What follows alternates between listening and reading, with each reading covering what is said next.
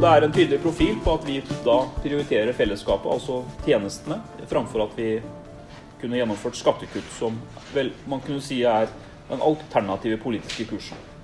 Med mer penger til utdanning og oppvekst, byferjer og helse, omsorg og velferd, har samarbeidspartiene i Fredrikstad vært litt mindre sparsomme enn rådmannen i sitt budsjettforslag for 2020. Men hva skal vi tolke av budsjettet og endringene som er gjort? Hva satses det på? Hva sier budsjettet om vår nye samarbeidskoalisjon? Og hva har budsjettforhandlingene gjort med samarbeidet partiene imellom? Sammen med Øyvind Lågbu skal jeg forsøke å gi deg det viktigste du bør vite om det rød-grønne budsjettet for 2020. Du hører på Hør her, og mitt navn er Torgrim Bakke.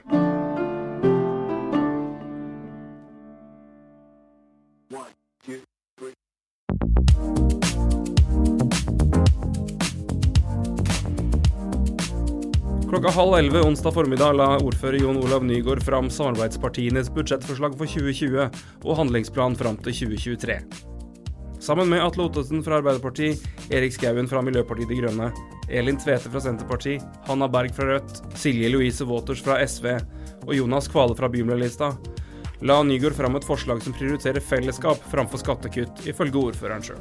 Vi har noen fokusområder som vi er opptatt av. Selvfølgelig orden i kommuneøkonomien. Det er det som er eh, premissen for å kunne yte gode tjenester. Satsing på barn, unge og lokalsamfunn, frivillighet, miljø og klima. Det løftes tungt fram. Det er riktig å si at vi som eh, flertallskonstellasjon har eh, sto, et stort ambisjonsnivå på vegne av framtidas Fredrikstad. På vegne av oss sjøl, men, men ikke minst på vegne av Fredrikstad-samfunnet. Og vi har en hovedfokus på investeringer i skole og velferdstjenester. Eiendomsskatten, der følger vi rådmannen. Det betyr at eh, inntekten fra eiendomsskatt den eh, blir om lag da indeksjustert, eller er vel det han blir.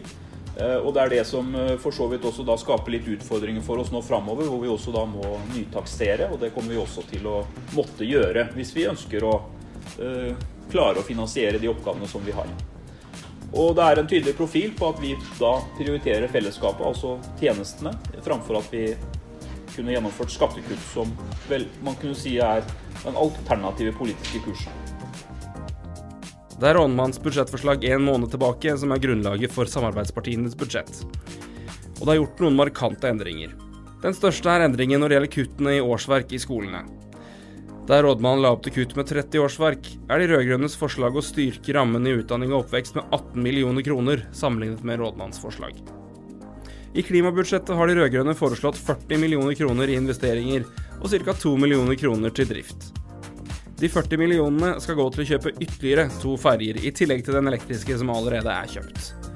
Mens den første vil bli klar i 2020, vil de to nye komme i 2021 og 2022. Og det er langt fra det eneste området hvor de foreslår å øke rammene. Og det foreslår vi å gjøre sånn med. Det er innovasjon og styring som eh, det var lagt opp til noe styrking av fra eh, kommunedirektøren sin side, og der har vi da dratt igjen noe ned igjen. Vi gir da eh, kommunedirektøren en fullmakt til å se på hvordan man Eller dvs. Si de får muligheten til å vurdere om det er annerledes de vil foreta den rammereduksjonen mellom stabene, men da må man komme tilbake igjen til bystyret og be om eventuelle endringer. Men foreløpig er det lagt av på innovasjon og styring. Så er kultur- og miljø, miljø og byutvikling styrka med 4 millioner. Teknisk drift med 3 millioner. Utdanning og oppvekst 18 millioner. Helse og velferd 10 millioner. Og kirken en halv million.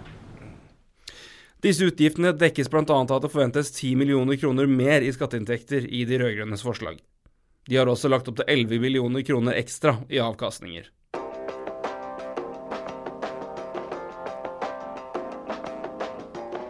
Men de har også måttet holde en rimelig stram linje i sitt budsjett. For det er ikke mye penger de har å rutte med nå. Så er det greit å si at det er, eh, det er en veldig stram kommuneøkonomi. Eh, det har vi sagt i mange år, men nå, nå er det virkelig det. Eh, det er veldig, veldig krevende. Både fordi vi har noen av seksjonsområdene våre, kanskje særlig ett, som har slitt økonomisk, men også fordi vi ser at mange av de i for seg positive tiltakene som har vært lansert de senere åra fra regjeringshold, er underfinansierte.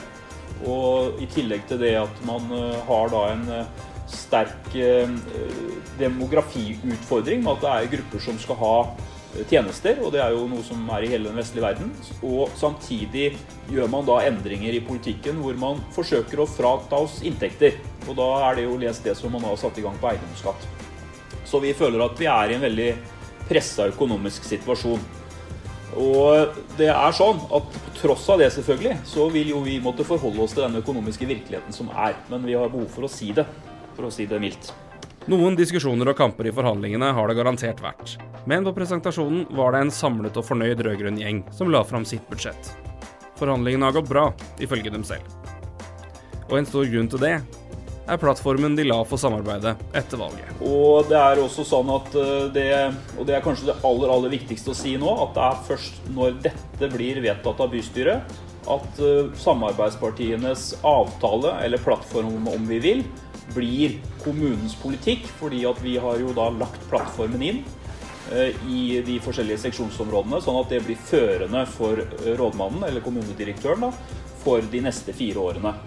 Så når eh, budsjettdokumentet til syvende og sist blir vedtatt av bystyret den eh, femte, så er eh, plattformen til det rød-grønne samarbeidsprosjektet offisielt vedtatt i Fredrikstad.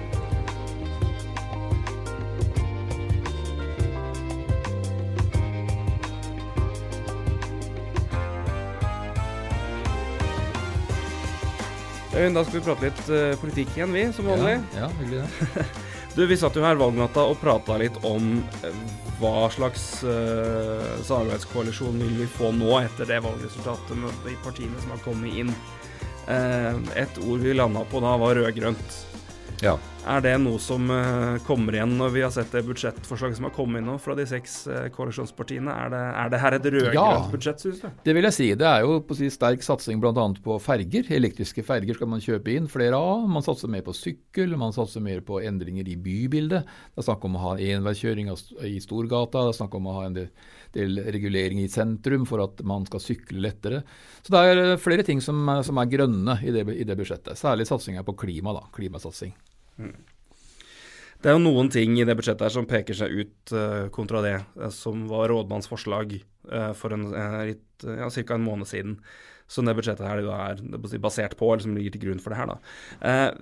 det tydeligste, altså noe som vi skrev om, var jo det med 30 årsverk som ble foreslått kutta fra rådmann. Ja. Det er vel mer eller mindre borte nå, med at de velger å gå inn og, og styrke det området med 18 millioner kroner ja. Eh, hva, hva, kan vi si om det? Ja, altså De forslagene som kom i forhold til å kutte såpass mange lærerstillinger, og det var snakk om 60 stillinger så vidt jeg husker, på, på et halvt år det var ja, 30 årsverk. 30 årsverk, ja. Det var ganske urealistisk, egentlig. Det var vel egentlig et forslag fra rådmann på å finne noen på å si, innsparingsmuligheter. Men, men, eh, det ble jo fjerna, og det var ganske som forventa. I tillegg så beholder man også de to åpne barnehagene. Det også var egentlig også som forventa. Jeg regna ikke med at de kom til å fjerne dem. Og også denne språkopplæringen som man har hatt, da, som også vil bli beholdt. Så nesten alle disse store kuttforslagene som rådmann kom med innenfor oppvekstsektoren, blir, blir fjerna fra, fra budsjettet nå. Så man beholder både åpne barnehager og de aller fleste lærerstillingene. Ja, nei, Du sa jo det. Det er vel litt som venta at det kom. Eh, det var vel ikke noen høyhetsere, Men interessant. Vi, vi, vi snakka jo med om, om, enighet og bred enighet eh, når vi fikk var på presentasjonen i dag. Og jeg spurte jo da hvilket område var det si, bredest enighet, og da var det jo akkurat det området her med, ja. med, med oppvekst og, det det. og, og, utdanning og åpne barnehager. Det var det samme, samme var det også på borgerlig side. Når man ser på det budsjettforslaget fra, fra, Høyre, Venstre og KrF, så er det samme der egentlig. At man også vil si nei til kutt i disse stillingene i, i skolen. da. Eh, der vil nok de tre partiene beholde e, i hvert fall én av de åpne barnehagene. Men, eh, så det var egentlig sånn forventa. Jeg regna ikke med at det kom til å komme de innsparingene der også, for det var ganske drastisk. Men eh, noe sted må jo rådmannen prøve å finne innsparingsforslag på også. Da. Og det har vært en del vurderinger av tjenestenivå i Fredrikstad sammenlignet med andre kommuner, bl.a. det som Agenda Kaupang gjorde for et par år tilbake. Og Der viste det seg at Fredrikstad har en høyere lærertetthet enn andre kommuner. Og Det er det som er grunnen til at rådmannen nå foreslår å redusere antallet lærerstillinger. Det skyldes at Fredrikstad har, har sammenlignet med andre kommuner, ifølge den undersøkelsen, så ligger de bedre an da, enn andre kommuner. Et annet eh, eh, område som man kanskje da, hvor, hvor det ikke ble endra noe, som kanskje heller ikke var veldig overraskende, det var rådmannens forslag til altså en retaksering ja. Eh, som ja. går på et kort eiendomsskatt. Det er jo noe du har skrevet litt om nå. Jeg har det. Jeg har det. Det er jo en ganske stor endring. og Det er jo slik at uh, eiendommene i Fredrikstad sist gang ble taksert fullt og helt da, i 2004. Det altså er 15 år siden. Det har jo skjedd veldig mye på de åra når det gjelder uh, altså utviklingen i eiendomsverdier. Jeg kan tenke meg at uh, prisene på boliger og hytter har steget kanskje to-tre ganger, kanskje enda mer. Eh, det, det, det, det, som er årsaken til at, nå at partiene gjennomfører denne takseringen, det er de nye regler som kommer fra regjeringen, altså fra Siv Jensens bord, egentlig. Hvor hun setter nye tak for eiendomsskatten. Og for å unngå disse takene og unngå disse begrensningene, så vil da kommunen, eller flertallspartiene gjennomføre en retaksering. Og det er for å unngå å miste 65 millioner kroner i inntekter. Så er det, det som faktisk ville blitt følgende av regjeringens forslag fra 2021. Da ville, da ville Fredrikstad tape 65 millioner i året. Så det er et svar på det, egentlig. Men det er jo også For det er sagt at det skal jo ikke gå det skal jo ikke økes eh, beløpet totalt. Så hvordan, hvordan fungerer det her i, i praksis? Ja, ja, altså, kan det være så at, at det er færre som betaler mer? Ja, altså i dag så betaler eh, innbyggere og, næringsliv til sammen ca. 265 millioner kroner i eiendomsskatt i Fredrikstad. Det er et ganske høyt uh, beløp, og det har økt ganske mye også de siste årene pga. en del endringer. Bl.a. i at man hadde sånn, det, som, det man kaller for kontortaksering. At man økte alle verdiene med 10% for en del år tilbake. Um, ja, og Det som da skjer, er at man da må taksere alle boligene på nytt. og Så kan man da får man da muligheten for å øke bunnfradraget. Dvs. Si at man kan eh, redusere skatten for de som har boliger med lave verdier. Og så kan man da øke skattene for dem som har verdier, altså boliger med høye verdier. Så det blir større forskjeller tror jeg, når det gjelder eiendomsskatt. Så jeg, jeg tror at de som har si, boliger med ganske høye verdier, kommer til å betale mer, og de som har boliger med lavere verdier, vil, vil betale mindre. Det er det som er følgen av det med at man øker bunnfradraget. Totalt så har du jo um, økt rammene for, innenfor tjenesteområdet med 31,5 millioner kroner. Um, det henter de inn i sine beregninger på at de beregner 10 millioner kroner ekstra i skatteinntekter uh, kontra det rådmannen de gjør. Og de har også 11 millioner kroner ekstra i avkastninger beregna. De og det har gjort ved at de har gått opp 0,1% i det som kalles realvekst, altså til 0,8 kontra rådmannen som hadde 0,7 realvekst, hva er det for noe? Ja, I praksis er det vel snakk om eh, vekst utover lønns- og prisstigning. i praksis. Altså Det er vel slik at man får mer å rutte med. At kommunen får noe reell vekst i sine inntekter. Mer å rutte med i forhold til de oppgavene man har å, å utføre. Men det er klart at det er jo et risikosport å øke, å øke inntektsgrunnlaget og avkastningssummen. Det er jo, Man vet jo ikke hvor den havner til slutt. Det er litt for enkelt kanskje ofte å ty til de kildene her. Jeg skjønner at de av og til må gjøre det, men det er klart det er rådmann setter nok de ganske la, eller prøver å sette de ganske, ganske fornuftig, for å unngå liksom, at man da skal basere seg på veldig høye skatteinntekter. Um, Dels er det jo skatteinntekter i form av inntektsskatt sant, fra innbyggerne, men det er også snakk om avkastning. og Avkastning her dreier seg om de pengene som som eh, kommunen har da på fond og, og diverse i aksjer, i aksjemarkedet også. Kommunen sitter jo på en verdi på over en milliard kroner som er plassert i vesentlige obligasjoner, men også noe i aksjer og i pengemarkedet. Og Man regner da med at man får bedre avkastning da, enn det som rådmannen har forventa. Men det er jo som sagt alltid en risikosport å satse på høy avkastning og høye inntekter. Vi, vi durer gjennom, hvis, vi, vi skraper overflaten her uh, og det for, for, for mer Du, har, du skriver, har skrevet en kommentar.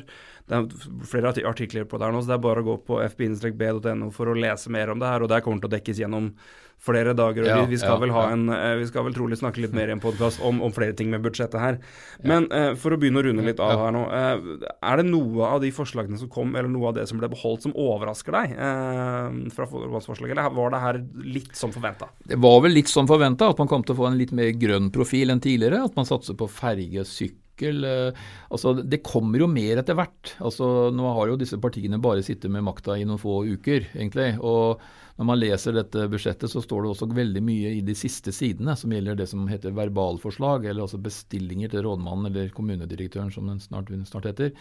Eh, hvordan man da bestiller ganske mye som man da ønsker å gjøre de neste fire årene, som man ennå ikke har kommet i gang med. Det gjelder bl.a. å få en litt mer sosial boligbygging, altså for, gjøre det lettere for ungdom å få bolig.